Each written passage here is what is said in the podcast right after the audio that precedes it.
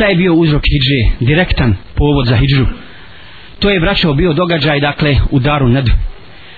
U jednom mjestu ili klubu mušičkom, gdje su se oni dogovorili, šta? Da ubiju Muhammeda sallallahu alaihi wasallam, da sa njim dokrajeće i onda su odredili kako? kako kakav su plan isplanirali? Odredili su da se pozove mladić iz svakog plemena i da to zajednički urade kako ne bi mogli kako ne bi mogle Kurejšije ili Hašimovići ako bi tražili krvarinu da uzmu ni od koga. Dakle, svi su učesnici u tome i takav su, takav su ružan i grozan plan bili isplanirali. I Resul sallallahu alaihi wasallam je dakle kako odgovorio na to? Šta je u stvari dokaz ovo za nas? I kakvu lekciju i kakav ders možemo da izvučemo iz ovoga? To je dokaz, braćo. To je dokaz da se kjafiri, stari i ovi novi, oni prije i oni danas, da su uvijek kovali planove, da su se uvijek udruživali i sjedili zajedno radi čega? Radi čega? Radi toga da bi utrnuli Allahovo svjetlo. Radi toga da bi utrnuli Allahovo svjetlo, zbog toga su kovali plan. Zar danas to isto ne čini?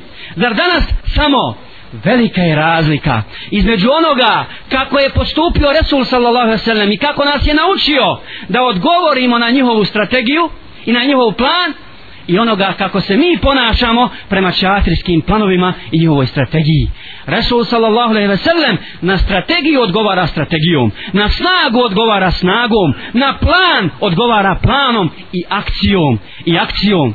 Međutim, danas muslimani kad prave kuću, dunjalučku, samo za projekat koliko para dadnu, a? Samo za projekat dok izgrade, pa, pa živce i energiju i pare i sve potroše, utroše radi jedne kuće sa dva ili tri ili tri sprata i potroši se sav i, i duhovno i mater, i materijalno se potroši što bi rekao naš narod kad vidi da čovjek ide putom i sam sa sobom priča narod to zna iz iskustva naučio ga život tome kaže zna ili je lud ili kuću pravi dakle kad treba praviti nešto za dunjaluk onda smo spremni praviti plan praviti program, praviti program i umarati se na tome, na tome putu i onda ne osjećamo, ne osjećamo to plaho. I vjerujte, braćo, da je jedna od najvećih grešaka danas ummeta i svih pokreta islamski nedostatak istinskog plana i programa istins za davu, za pozivanje u Allahovu vjeru. I zar je moguće da smo doživjeli takav vakat da nevjernici pakuju planove stalno, dan, noć, rade, ne dodije im da bi rušili islam i potlačili muslimane, a muslimanima dodije da prave plan da se suprostave, suprostave, suprostave kufru.